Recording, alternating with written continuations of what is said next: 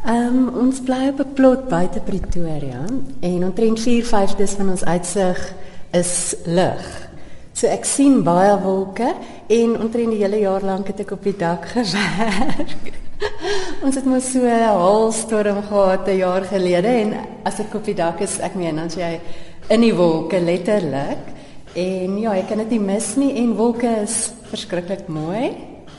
Dit is mooi, maar daar is hierdie daar's hierdie persepsie dat dit een van die moeilikste goed is om om te skilder. Is dit so? Wel, dis nie vir my moeilik nie. Kyk, ek neem 'n foto van iets en dan gaan sit ek in die huis en teken dit, want ek werk hoofsaaklik met um oliepastel en mens kan nie buite werk eintlik daarmee in die son. Dis geneig om te smelt of sag te word. Maar ek dink as mens buite sou werk met olie of wat ook al met olieverf, dan kan dit dalk nogal moeilik wees want dit verander die hele tyd. So jy sal vinnig moet werk om om 'n om 'n wolk vas te vang. Maar in my geval is dit regtig nie moeilik nie en mens kan ehm um, bysit en wegneem net soos die komposisie verlang. Jy weet jy kan die wolk aanpas om by jou komposisie te pas. Terwyl met 'n gesig byvoorbeeld, jy kan nie nog 'n ekstra deel aanlas nie, dit gaan net vreemd lyk. Ja, nou soos jy sê ook, niemand weet hoe daai wolk gelyk het nie. Ja, so niemand kan vir jou sê presies, presies. Ja, ja. En die kleure, jy kan dit helderder maak of 'n bietjie dower of net soos jy wil. Jy weet jy kan speel daarmee. Dis oop vir uh um en dis oop om mee te. Kom ons stap gou oor na die een is ongelooflike dis nog ons 'n groot werk van 'n wolk. Gepraat van kleur. Want ek meen ons is geleer van kleins af 'n wolk is wit. ja, nee, okay, ek moet ook dit sê, want ons bly in Swawelpoort um, is die sonsondergange ongelooflik mooi. Dit het verskriklik baie kleur en ek kry nie eintlik eens reg om my intensiewe kleur vas te vang nie. So as jy dink dit het nogal hierdie spesifieke werk het nogal baie kleur. Dis eintlik nog nie heeltemal soveel kleur as wat dit moet hê nie. Maar ja, ons het baie mooi sonsondergange waar ons bly. En dis net buite Pretoria. Ek dink dalk in Pretoria het mense ook baie mooi sonsondergange as jy net mooi kyk. As jy kyk na die wolke hier, het eintlik baie meer kleure as wat jy dink. Ja. Jy het nie net wolke geskilder nie. Ek kyk na na die hier agter ons. Daar's in almal van hulle wolke, maar tog ook 'n storie. Ja, daar is 'n storie. Ehm um, ek gebruik elemente uit verskillende eras bymekaar gevoeg om soos van 'n magiese element te skep Ehm um, so dit gaan nie so seer oor die storie nie, dit is maar meer oor die komposisie vir my en oor die gevoel van die skildery self.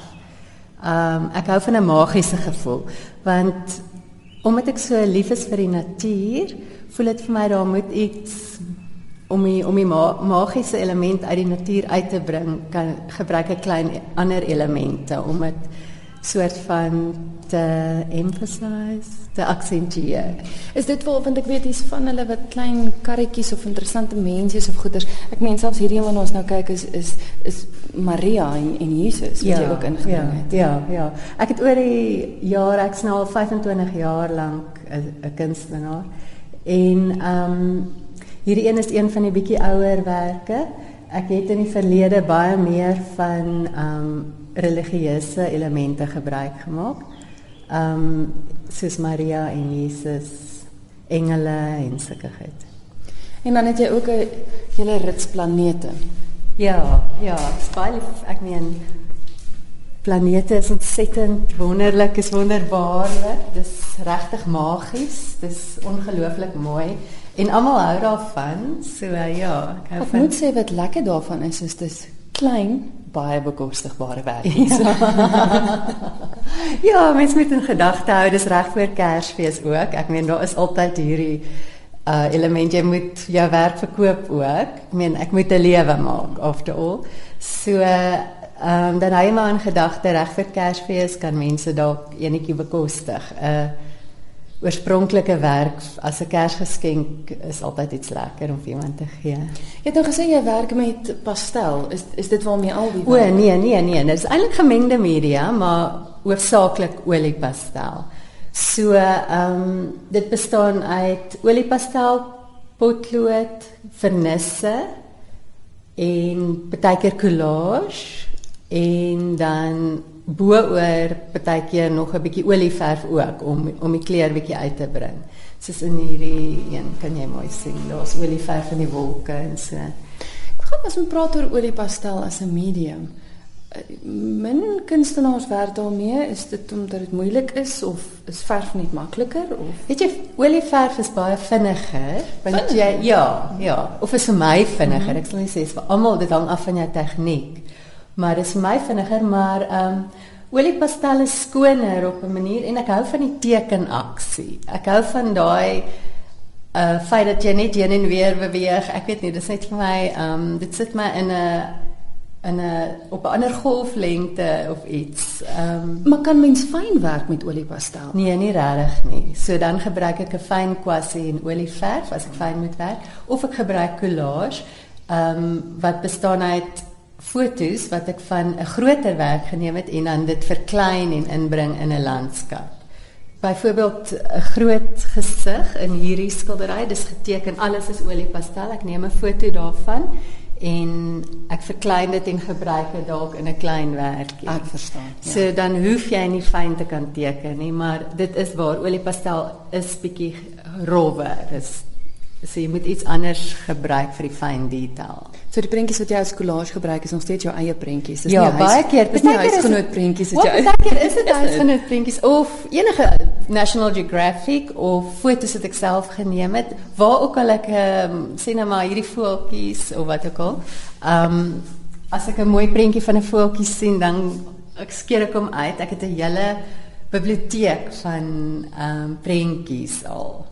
En baie van die collages ehm um, werk so, twee prentjies wat uitgeknip is wat toevallig by mekaar val, want as ek sê ek het 'n hele biblioteek van hulle.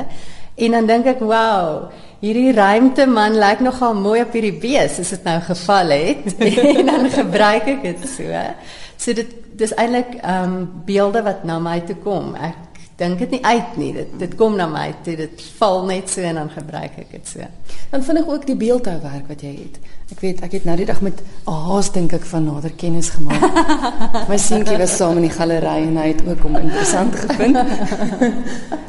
Want dit is klip. Ja, nee, dit is klip en ek gebruik dit net as ek dit in die veld sien, want ek hou daarvan om te stap en dan sien jy goed in die klip en dit raak frustrerend. Jy wil dit uitbring wat jy sien.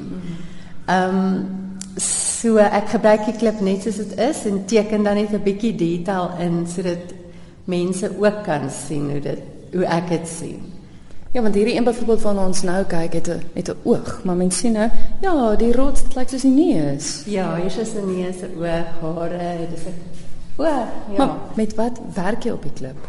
Wel, dit is hoofsaaklik olieverf. Want oliepastel gaan geneig wees om af te kom en ek sal nie daarvan hou om baie vernisse op 'n klip te gebruik nie. Dit gaan te blink wees en ek hou van die organiese element daarin. So ek werk hier met olieverf, ja. Moet jy daai oog kyk nou vir my reg.